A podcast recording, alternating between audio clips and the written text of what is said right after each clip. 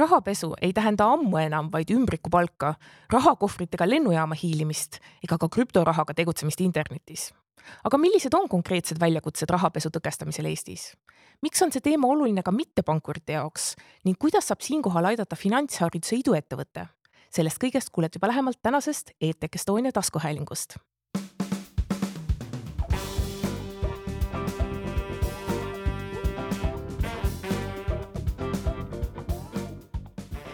tere tulemast ETK Estonia taskuhäälingusse. minu nimi on Sabina Sägi ja täna on minuga stuudios finantshariduse iduettevõtte Komplok juht Mari-Liis Kurg ning LHV endine rahapesu tõkestamise juht Aivar Paul. tere teile. tere.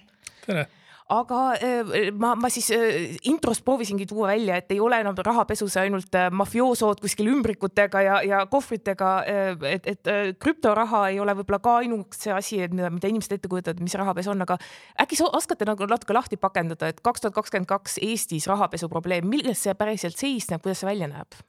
mina annaksin praegu sõna vist nagu pigem Aivarile, et Aivaril on nagu selles mõttes pikem kogemus ja võib-olla ka niisugune erasektori ja avaliku sektori vaade, et, et võib-olla Aivar kui sobib, et sa proovid seda küsimust äh, natuke avada? nojah, see sõltub, äh, kust seda vaadata, et ega see rahapesu ongi, hea oleks kohe vastu küsida, et äh, mida sina pead rahapesuks. et see arusaamine, mis asi see rahapesu on, on nii palju ajas muutunud, et seesama kunagised kohvriga raha kandmised krüptorahani tänapäeval välja, aga aga selle sildi alla tänapäeval pannakse nii palju asju ja, ja kui me tegelikult noh, ütleme niimoodi äh, üle kümne aasta tagasi rääkisime eelkõige sellest, et äh, rahapesu ongi mõeldud ja see tõkestamine ongi mõeldud selleks, et siis leida need kurjategijad, kes, kes mm -hmm. käivadki siis oma musta rahaga ringi. siis tänapäeval pigem kogu see rahapesu sildi alla on kogunenud äh, finantsläbipaistvus, et ei midagi vähemat ega rohkemat, et, et küsimus ei olegi selles, et kas ja kus kurjategijad tegutsevad, vaid kas ja kui läbipaistev on finantsmaailm.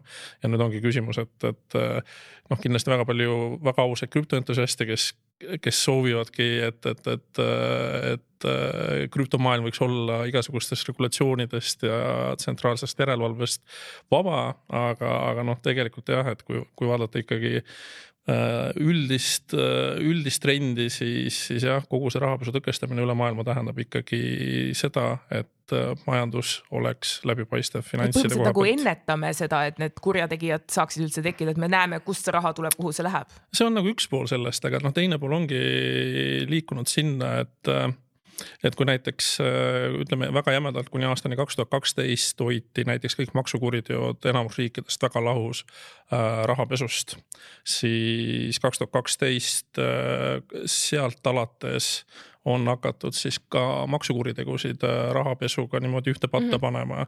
et kui kunagi oligi noh, sellised filosoofilised arutelud, et, et kui ma saan näiteks käibemaksupettuselt riigilt raha tagasi mm, -hmm. et mhm. noh, see saab, see on ju kõige puhtam raha üldse, see tuleb nii-öelda rahandusministeeriumi kontolt. sihuke värske, puhas, särav imeilus raha, mis sealt tuleb. just, aga, aga noh, tegelikult ikkagi need arusaamised on nii palju muutunud ja tänasel päeval näiteks ongi noh, mina näen seda trendi, et, et äh, kuni kaks tuhat kaksteist äh, maksud ei olnud teemaks, äh, siis öeldi, et maksupettused kindlasti peaksid olema rahapesu eelkuriteod. nüüd ütleme kuskil aastal äkki kaks tuhat üheksateist nägin esimesi pabereid, mis ütlevad, et tegelikult äh, finantssektor peaks ka jälgima, kuidas nende kliendid ikkagi ka maksukäitumiselt on mm, -hmm. et, mhm. et isegi mitte me ei räägi pettustest. kas me siis nagu trende oleme... näha juba? no näiteks kui eraisiku kontole laekuvad äh, igakuiselt või igapäevaselt äh, nagu sularahakanded on ju mm -hmm., et, et noh, et ettevõtlusega on tore tegeleda, aga ettevõtlusega peab tegelema ka ikka nii, et sa lood ettevõtte ja tegeled sellega läbi, läbipaistvalt. aga kas see on, kas see on see vanaema, kes üürib seda ühte tuba välja, kes saab sealt nagu nagu väikseid näiteks äh, ette, noh, see võib olla eraisik, kes hakkab müüma näiteks, ma ei tea mm., beebimähkmed on ju iseseisvalt, et, et hakkab seda tegema oma eraisiku konto alt, et noh, et seda peaksid nagu siis pangad juba täna ka tähele panema, et kui sellised trendid on, et see ei ole nagu tegelikult, et see on ka asi, milles tuleb nagu harida siis oma kliente aga, aga kas me see... oleme selle, kas, kas me oleme järjel nende trendidega, kas me oleme kaks sammu ees, kaks sammu taga, kus kohas on need jälgijad sellele? alati taga, et kurjategijad on alati meist sammu võrra eespool ja kui me võib-olla tuleme tagasi korraks õigusteoreetiliselt, et, et rahapesule alati eelneb eelkuritegu ja kui me räägime maksupettusest, siis on eelkuritegu. rahapesust me ei saa rääkida noh, ilma eelkuriteota et see on oluline, et see maksupettus ja, ja käibemaksupettus või, või, või mis muu äh, kriminaalne tegu on äh, noh, eelneb ikkagi rahapesule, eks, et, et see on oluline. ja võib-olla korraks veel algse teema juurde tagasi tulles, et, et kui me jah rääkisime aastal kaks tuhat kaheksa toimuski selline vara päritolu küsimine, et see oli nagu kogu rahapesu tõkestamine tegi finantssektor, siis täna on väga selgelt see trend muutunud, et räägitakse ikkagi rahapesu tõkestamise programmist mm, -hmm. kuhu alla kuulub või kuhu, kuhu kuulub ka juba nagu riskide hindamine mm. -hmm Äh, poliitikad, riskiisud, äh, kliendi tundmine, verifitseerimine, äh, hoolsusmeetmete rakendamine, teisisõnu küsime noh, et proovime aru saada kliendi profiilist ja selle kliendiga seonduvatest riskidest, eks, et see ei ole mitte, mitte siis ainult see, et, et me võtame selle kliendi pardale, vaid me tegelikult hindame selle kliendiga seonduvat riski. kliendi tehingute monitooring, sanktsiooni kontroll, raporteerimine organisatsiooni siseselt, organisatsiooni mm -hmm. väliselt äh, nagu koolitamine on üks osa sellest, et see ei ole nagu kõik, et noh, et, et see ei ole ainult koolitamine, vaid see on üks osa sellest rahapesu tõkestamise programmist, mida siis peab finantssektorile nagu rakendama. Ja tegelikult see ei ole mitte ainult finantssektori kuiv äh, nii-öelda regulatiivne tegevus, mida nad peavad tegema, vaid see on palju laiem, eks, et, et see need kohustatud isikud nii-öelda või siis sellele, kellele see seadus kohaldub on oluliselt rohkem, aga lihtsalt see teadlikkus. aga, aga võib-olla enne, enne kui me teadlikkuse poole peale lähme, mis on midagi äh, võib-olla nagu väike sõnade seletus, et, et on sellised toredad lühendid nagu AML, AML mm, -hmm. KYC, sa mainisid verifitseerimist, et seal tulevad kõik need asjad. kas sa saaksid nagu lahti pakkida, et mida see tegelikult tähendab võib-olla panga inimese jaoks, kui ta peab oma klienti teadma, oma kliendi, kuidas, mida see tähendab kõik? no KYC on tunne oma klienti mm, -hmm. eks, et kui me räägime rahapesu tõkestamisest ja AML-ist või rahapesu tõkestamise seadusest, siis rahapesu tõkestamise seadus on nagu palju laiem mõiste kui tunne oma klienti on ju.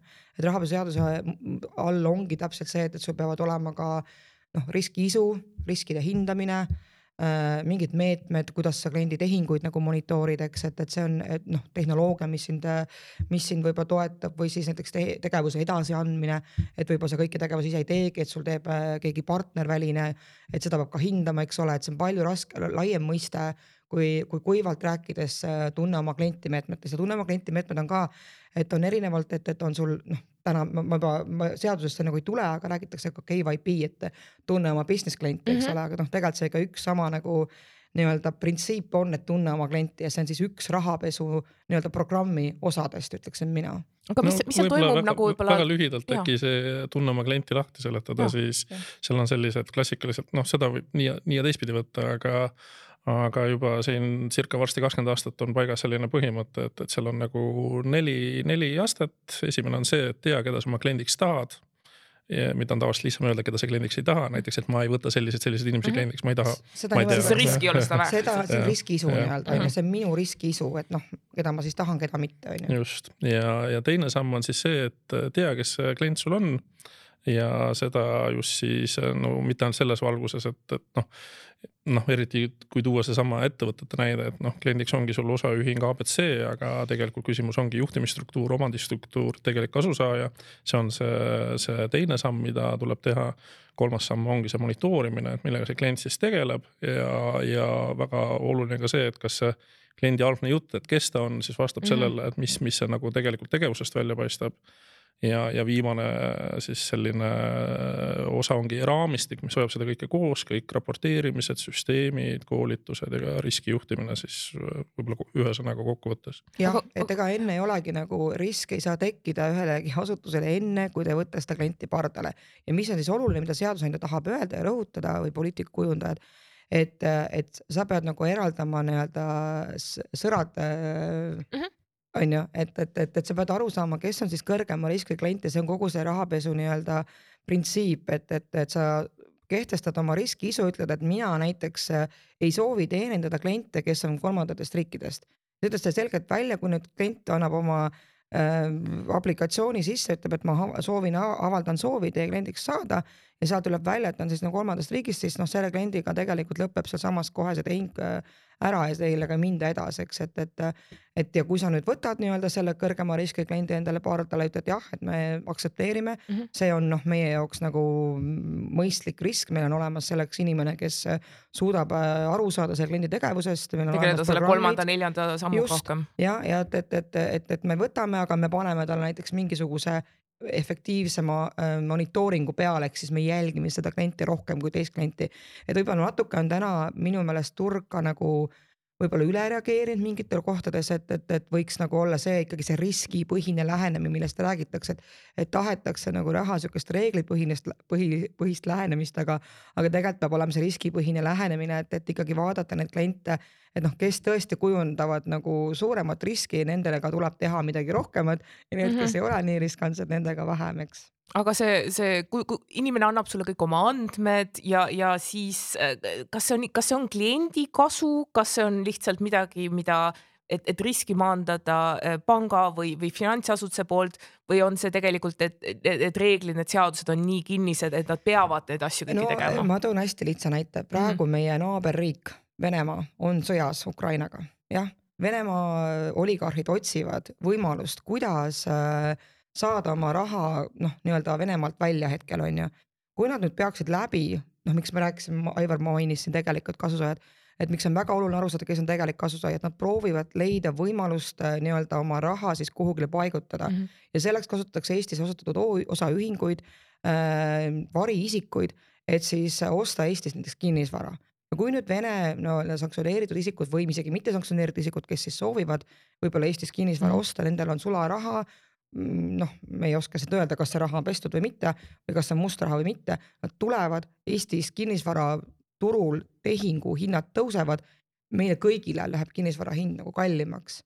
et selles mõttes, et noh, et kui me räägime sellest, et, et, et, et kes siis nagu võidavad või kes kaotavad, siis läbi selle, kui me peame maksma kõrgemat äh, hinda kinnisvara mm -hmm. soetamisel. noh, see kõik on kaotajad, eks ja sellepärast räägitakse rahapesu tõkestamisel, et see ei saa olla ainult erasektori probleem, et see peab olema avaliku sektori ja erasektori koostöö.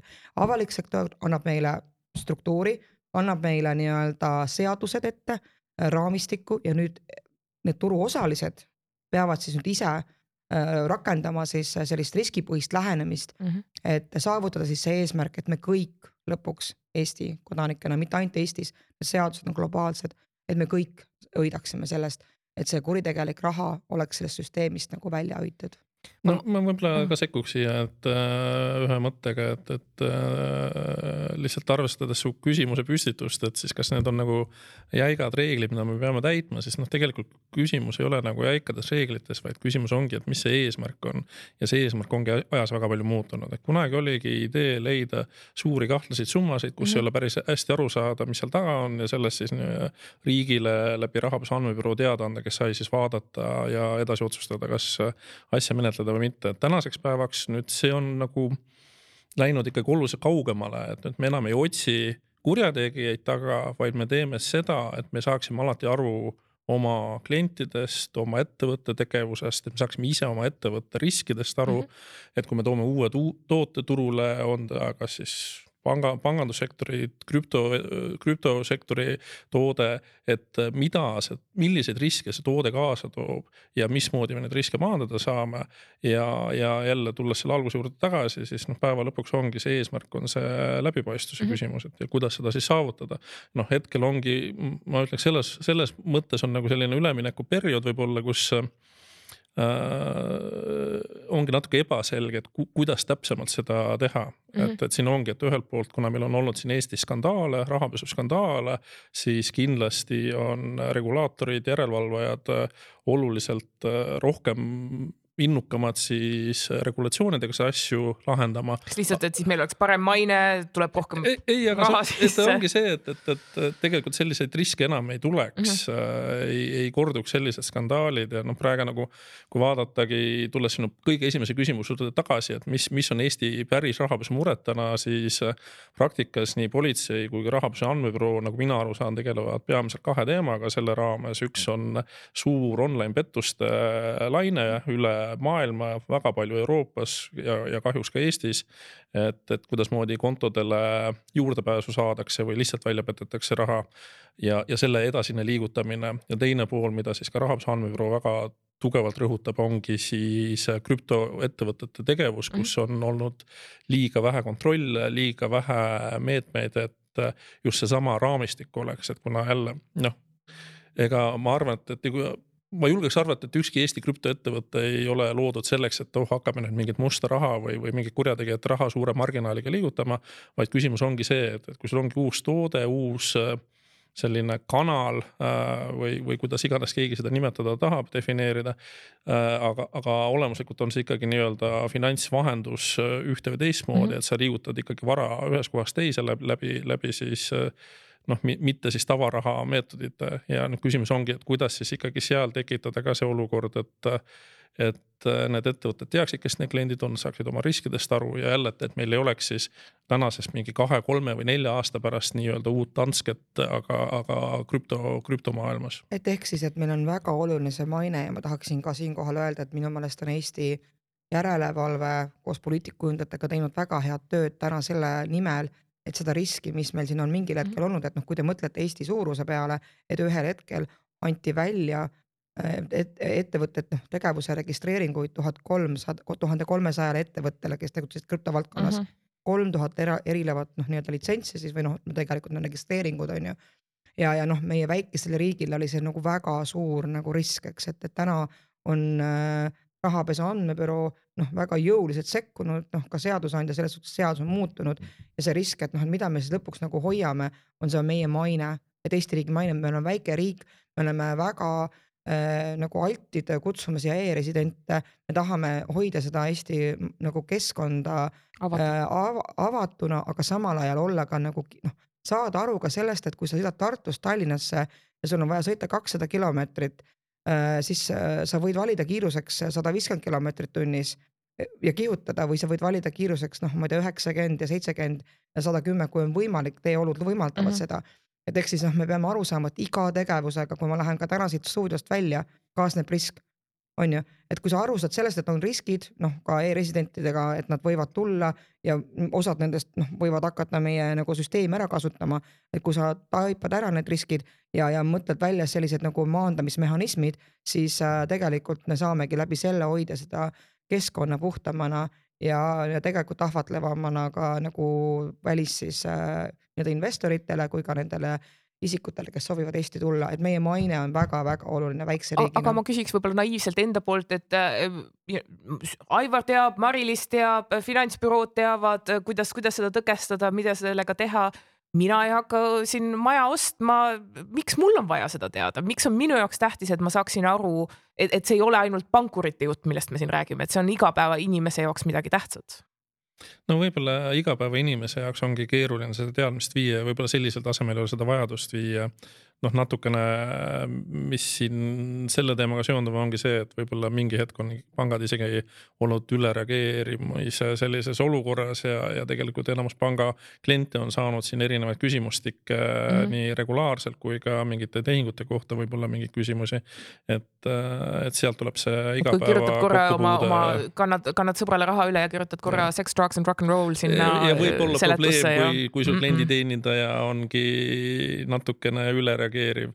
et see ongi see, see noh, see on jälle tegelikult teadlikkuse probleem, sest kui me oleme ausad, siis äh, kogu see valdkond on ju nii kõvasti kasvanud, mitte Eestis, igal pool mujal ka mm., et, et täna noh, mõned pangad ütlevad, neil on kümme, mõned pangad ütlevad, neil on lausa kakskümmend protsenti töötajatest tegeleb ühte teist, ühte või teistpidi siis compliance'iga, sealhulgas siis noh, AML kui ka igasugused muud valdkonnad.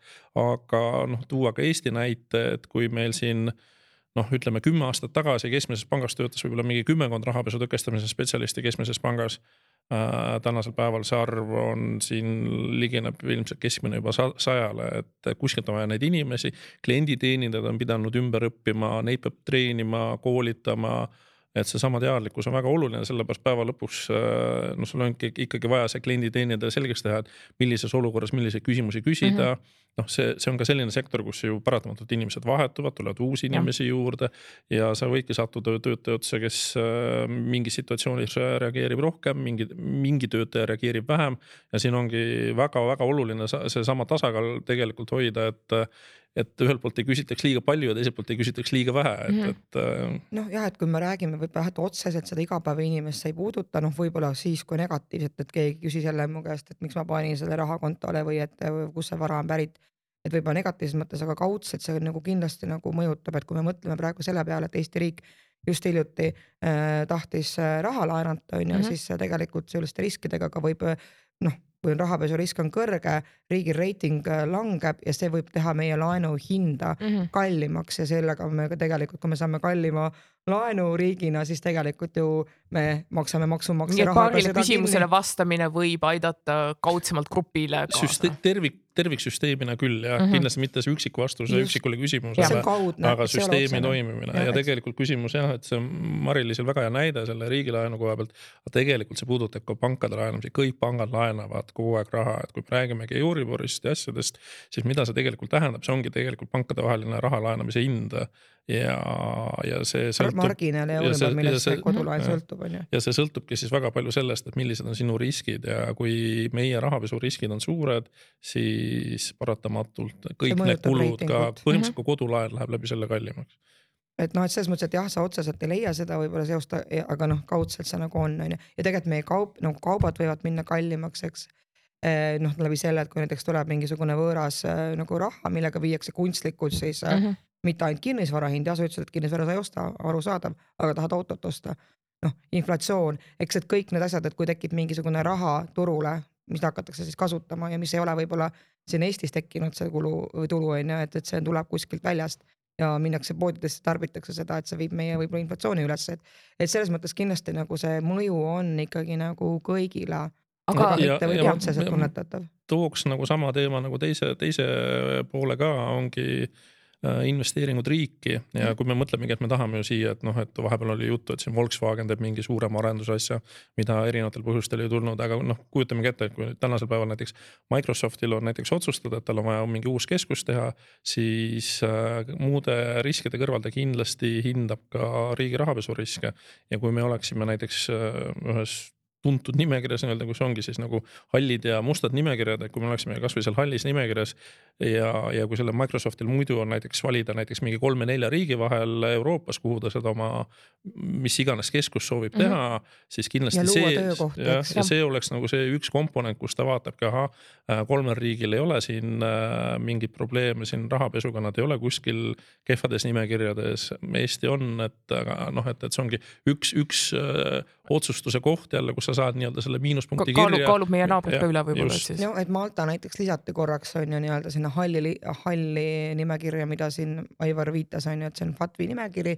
et noh, seal ka Dubai on käinud, on ju, et noh, ja on praegu ka ilmselt Island, Jah, meie et- lähiriikidest. et, et meie ei ole veel sinna läinud, aga noh, siin näiteks sellesama krüpto no, virtuaalvääringute kauplejatega seonduvalt oli nagu noh, praegu me ei ole saanud seda Moneyvali raportit kätte, et me ootame seda tõenäoliselt aasta alguses, et noh, mis noh, mis see kõige hullem või kõige mustem stsenaarium ongi see, et, et Eesti lisatakse kuhugile halli nimekirja ja see on meie mainele, noh, see ei mõte mõjut- mõjuta ainult nüüd laenuhinda, aga tegelikult ka hakkab mõjutama igasuguseid tehinguid, mida meiega tehakse, et, et need lähevad nagu pankade nii-öelda äh, Te, te oskate ikka sellist paranoilisust tekitada ei, siin me inimeses see ei näinud- olegi me paranoilisus. oleme näinud seda praktiliselt, noh, et see ongi see, et kui sa töötad kuskil ja sa näed seda igapäevaelus, siis noh, see on, see ei ole ainult teoreetiline, vaid see on ka praktiline mm -hmm. päriselt, et kui sa hakkad tegema tehingut äh, halli äh, nagu või noh, ma olen ise ise ma vahepeal siin Covidi aja alguses äh, läksin Küprosele puhkama ja maksin äh, nagu äh, oma noh, majutuse eest, eks mm. -hmm. ja see ja see tehing jäi nagu kinni ja meil, ma pidin päris palju nagu selgitama, et, et ma maksan majutuse mm. -hmm. eest, et, et noh, et kõikidel on meil selliseid näiteid on ju, et, et kui Eesti lisatakse äh, mingi põhjusel halli listi, siis äh, kõik tehingud, mis tulevad Eestisse või lähevad Eestist, ma ei ütle ka kõik, aga noh, võivad jääda nagu.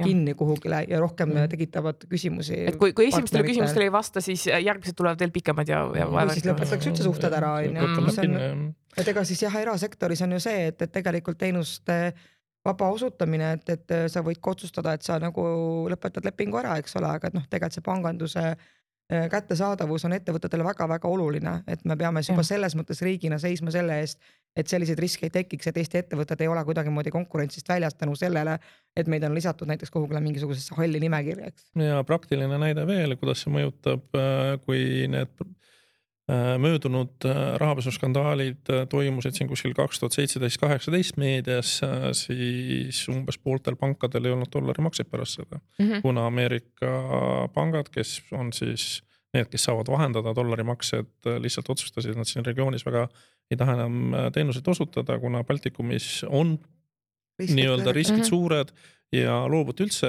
osutamast ja need, nendel, kellel olid olemas need äh, korrespondentsuhted, nendel olid need üldjuhul siis läbi oma Rootsi emapankade mm. -hmm Ja ja, ja, võimalusi ja, oli. ja kui Mhm. me nüüd peaks olema olukord, kus nagu Eesti mingi päev satub sinna halli nimekirja ja kui siin on noh, veel mingeid sündmusi, näiteks ongi mingi järgmine suur mingi skandaal kuskil, noh siis võib juhtuda, et võib-olla ükski Eesti pank ei saa dollarimakseid teha. aga ma läheks natuke võib-olla raamistiku juurde, et, et me oleme siin, siin rääkinud rahapesu teemadest ja võib-olla mõni kuulaja mõtleb, et eh, e-tech, haridustehnoloogia, et kuidas need kaks asja omavahel on seotud. aga Mari-Liis, sina oled töötanud Nordeas, SEB-s ja, ja Coopi pangas ja Aivar, sina oled ka Swedbankis ja LHV-s rahapesu tõkestamise valdkonnas töötanud ja eelvestluses te mõlemad mainisite, et te olete üle poole oma elust veetnud nende teemadega. Et äh, võib-olla inimesed, kes, kes kuulavad, mõtlevad, et e-tech, haridus, tihti kujutatakse ette kooliharidust, aga samas finantsharidust me oleme siin näidanud, kui mitu asja võivad valesti minna, kui seda asja ei ole inimestel, kellel peaks see olema, olgu see siis äh, rahapesu tõkestamise juht või ka klienditeenindaja, kes ei oska äh, võib-olla see õige, õiges olukorras õigeid küsimusi küsida. aga võib-olla äh, Mari-Liis, sina lisaks panga tagapõhjale on sul ka iduettevõte Komplok Mhm. et kas saaksid natuke rääkida, et millega see tegeleb? jah, aitäh selle küsimuse eest, et tegelikult ega see, see nagu see missioon tekkiski nagu võib-olla läbi selle, et ma olen töötanud Eestis väga pikalt panganduses ja elu viis mind äh, ka nagu Nordea panka, noh, kellel on siis nii-öelda selline lihtsalt filiaal Eestis, mis pakub siis grupile tuge, et tal Eestis enam operat-, operatsioone ei ole, eks.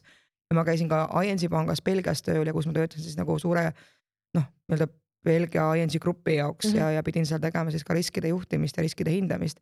ja ma sain tegelikult aru, et, et hoolimata sellest, et Eestis on meil olnud äh, noh, palju rahapesuskandaale, noh kaks, sihukest ütleme kõige suuremat skandaali on võib-olla Euroopa mõttes Eestist läbi käinud. et siis, et ma sain aru, et Eestis on asjad tegelikult väga hästi ja me peaksime Eesti teadlikkust nagu viima siis mujale maailma ka okei okay., ja sealt sai see nagu sihuke mõte nagu alguse, et, et ühel hetkel, kui me ING pangas töötasime ja pidime nagu poole värbama kolmsada inimest, siis probleemi ei olnud mitte need inimesed leida, vaid need inimesed ette valmistada selleks operatiivseks mm -hmm. tööks. Ja sealt me saime aru, et me otsisime seda koolitajat, me otsisime platvormi ja ei olnud. ja samal ajal siis oli Eestis siin seesama krüpto nii-öelda buum, kus väga palju litsentse anti välja või noh, registreeringud, oleme täpsed ja, ja samal ajal noh, et ma sain ka aru, et, et, et mina oma teadmistega, ma saan hakata seda tagasi andma siis läbi selle, et ma tõstan teadlikkust, et noh, päeva lõpuks võivad olla väga lahedad süsteemid mm. -hmm. kõik tehnoloogiad, mis aitavad sind, aga kui sul ei ole seda töötajatele annab inimest pitsat, ka, aga kui sa ei tea, mida sa kui sa ei teed. tea, kui sul on see tolmuimeja, mis on nagu väga äge, aga sa ei oska seda tööle panna, siis noh, sellest ei ole mingit kasu, eks, et et eks siis, et ma nagu tundsingi, et ma olen nagu saanud, noh, eks ikka elus on nii, et mingi hetk teed ise, oled põllu peal ja siis, kui sa saad selle nagu teadmise kätte, hakkad sa tagasi andma seda teadmist. et praegu see missioon ongi nagu neid teadmisi siis nagu edasi või noh, tagasi anda ühiskonda on ju, et, et mis ma siis kogunud ise olen ja tegelikult kasutades ära ka nagu teisi eksperte, kes on näinud äh, samasuguseid skandaale, et, et, et mõte ei olnud iduettevõtet hakata tegema, ma olen kogu aeg öelnud, et ma olen nii-öelda accidentally startup'er, et me tegelikult tegime algselt nagu konsultatsiooniettevõtte mm -hmm. ja koolitusettevõtte, siis tuli ükskord startup, igavesti startup, ega see. siis tuli Covid ja ma sain aru, et need Zoom'i teel nende koolituste tegemine on väga keeruline, ma ei olnud kunagi kindel, kas inimesed kuulavad mitte. siis kuidagi tekkis see võimalus, et, et me saime luua enda platvormi, kus kaudu siis me hakkasime nagu ka hindama seda, et, et inimene, kes läbib koolituse, teeb ka mingisuguse väikse testi seal on ju. aga kes teie näiteks teie kliendid on lihtsalt, et inimene saaks meil on paremini aru? erinevaid kliente, meil on noh, üks, üks klient äh, ongi LHV Pank, eks, et kes, kelle, kellega me veel peame läbirääkimisi, et, et nad võtaksid tervikuna meie Mhm. platvormi kasutusele, aga meil on ka ühisrahastusplatvorme.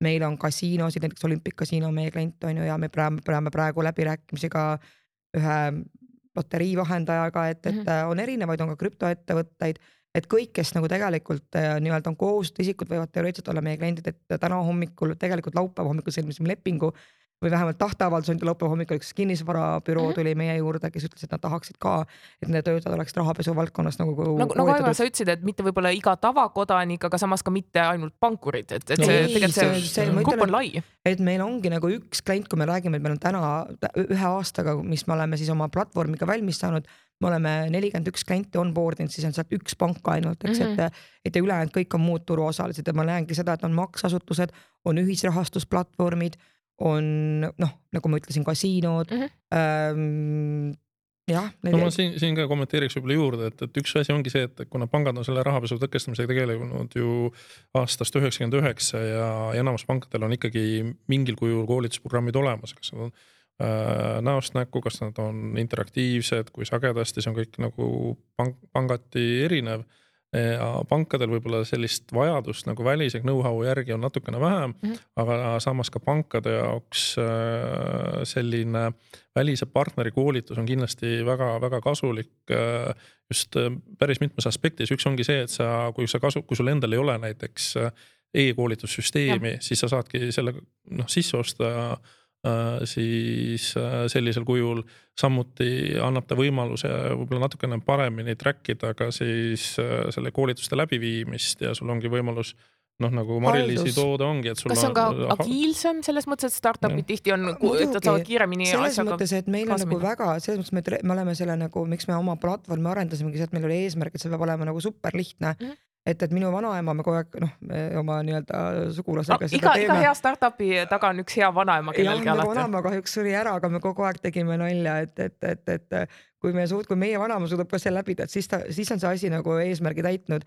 et, et, et noh, tõepoolest meil on üks vanaema, kes on olnud selles mõttes väga selline nagu hakkaja ja, ja nagu noh, ma mäletan kunagi, kui ma käisin tal külas ja elasin veel Belgias ja siis ütlesin talle tšau, siis ta ütles, et Skype'i me Mari tšau.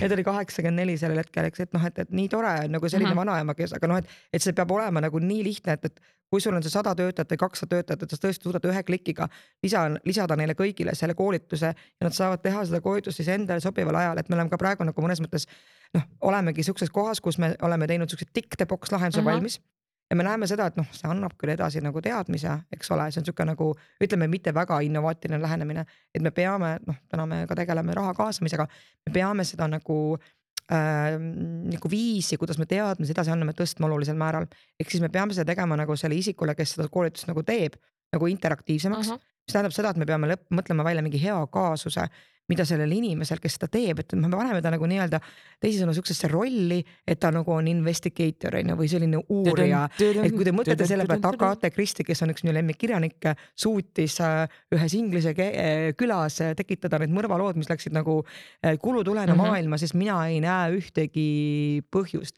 miks see võiks olla ühe rahapesu kaasuse lahendamine sama põnev nagu Agatha Christie romaanide lu- lugemine. ja nüüd Et- ma, nüüd ma näen, kuidas te sinna ajujahisse saite, saite ikka, see, sul on, sul on kirg silmis teema kohta, mis võib-olla ei ole midagi, mis naturaalselt kõigil et ma arvan, et mitte kedagi, ma ei tea väga palju inimesi ja mulle on seda väga palju öeldud, et kes nagu nii kirglik on rahapesu tõkestamise osas, sest ma nagu näen tõesti, et seal on nii palju see, see tegelikult on üsna lihtne, aga see on nagu kuidagi nagu nii keeruliseks tehtud, et, et et inimesed nagu selle pealt tõrkuvad, et oh, see on nii ebahuvitav, tegelikult see ei ole, see on nagu meie elu, see on noh, see ongi nagu eelkuriteod, maksupettused, kes mida peab tegema, et see tegelikult ei ole nagu eba, mm -hmm. ebahuvitav ja kui me mõtleme ka selle peale, kui me räägime AML-ist, eks, et, et see Ask Mari-Liis AML-is ma mõtlengi, et see ongi nagu minu sihuke nagu noh, Aivar ka, eks, Aivar Mari-Liis täna siin AML, et, et see on nagu mi, ma arvan, et juba nimega mulle peale pandud missioon elus seda rahapesu tõkestamise teadlikkust edasi viia. küsi Mari-Liisilt ja Mari-Liis vastab. It had to be, oli, pidi olema niimoodi. see pidi nii olema. aga kui, kui inimene tahaks rohkem infot Komploki kohta, kuhu ta peaks minema? No esimene asi, mida ma soovitan kindlasti on nagu lisada mind LinkedInis enda kontaktiks uh. Mhm. -huh. mulle võib alati kirjutada, ma olen super sotsiaalselt aktiivne. ma arvan, et jällegi võib, kes mind teavad. Aivar noogutab inimestele, kes, kes kuulavad. kes teavad, et vist keegi teine ei ole nii aktiivne nagu mina olen, et mul on see sotsiaalse suhtlemisoskus on väga nagu kõrgelt arenenud. ja, ja noh, muidugi võib kodulehelt vaadata komplok.eu, võib ka hajujahti, nagu sa ütlesid ise väga tabavalt uh, -huh. et me oleme sel aastal ka olude sunnid. lindistamise hetkel ma ei tea veel, kuidas läks ja ma ei taha ka ja, täpselt teada. seda me ei saagi öelda, sest me jõulud. oleme teinud sellise nagu kokkuleppe, et, et me ei tohigi seda avalikustada, aga seda me võime öelda, et me oleme ajujahis ja, ja sinna me sattusime ka tegelikult äh, täiesti juhuslikult, et kui ajujahi tähtaeg oli juba möödas ja me ausalt öeldes me mõlemad kaalusime mm, kaasasutajaga siis, et me tegelikult ei tahtnud sinna minna aga see niimoodi juhtus, et me ütleme, me oleme accidentally startup'erid ja kogemata sattusime sinna ajujahti ja see ajujaht on meile teinud niisuguse teistsuguse. ma, ma arvan, et on palju miljonäre maailmas, kes kogemata sattusid, nii et ära ütle iial, iial, vahel, vahel läheb hästi ja kui on, kui te peaksite äh, väga sotsiaalsed Mari-Liisi mitte üles leidma LinkedInis, saab alati ka otse ETEC Estoniaga ühendust võtta ja, ja meie kaudu seda kontakti leida, sest nagu me täna kuulsime, ähm, haridustehnoloogia ähm, kogukond on mitmekülgsem, kui võiks arvata ja palju mitmekülgsem. aga aitäh minu tänastele külalistele. ETEC Estonia tegemistega saate end kursis hoida just selle nime all nii Facebookis, LinkedInis kui ka Instagramis. haridustehnoloogia kogukonna poolt aitäh ja peatse kuulmiseni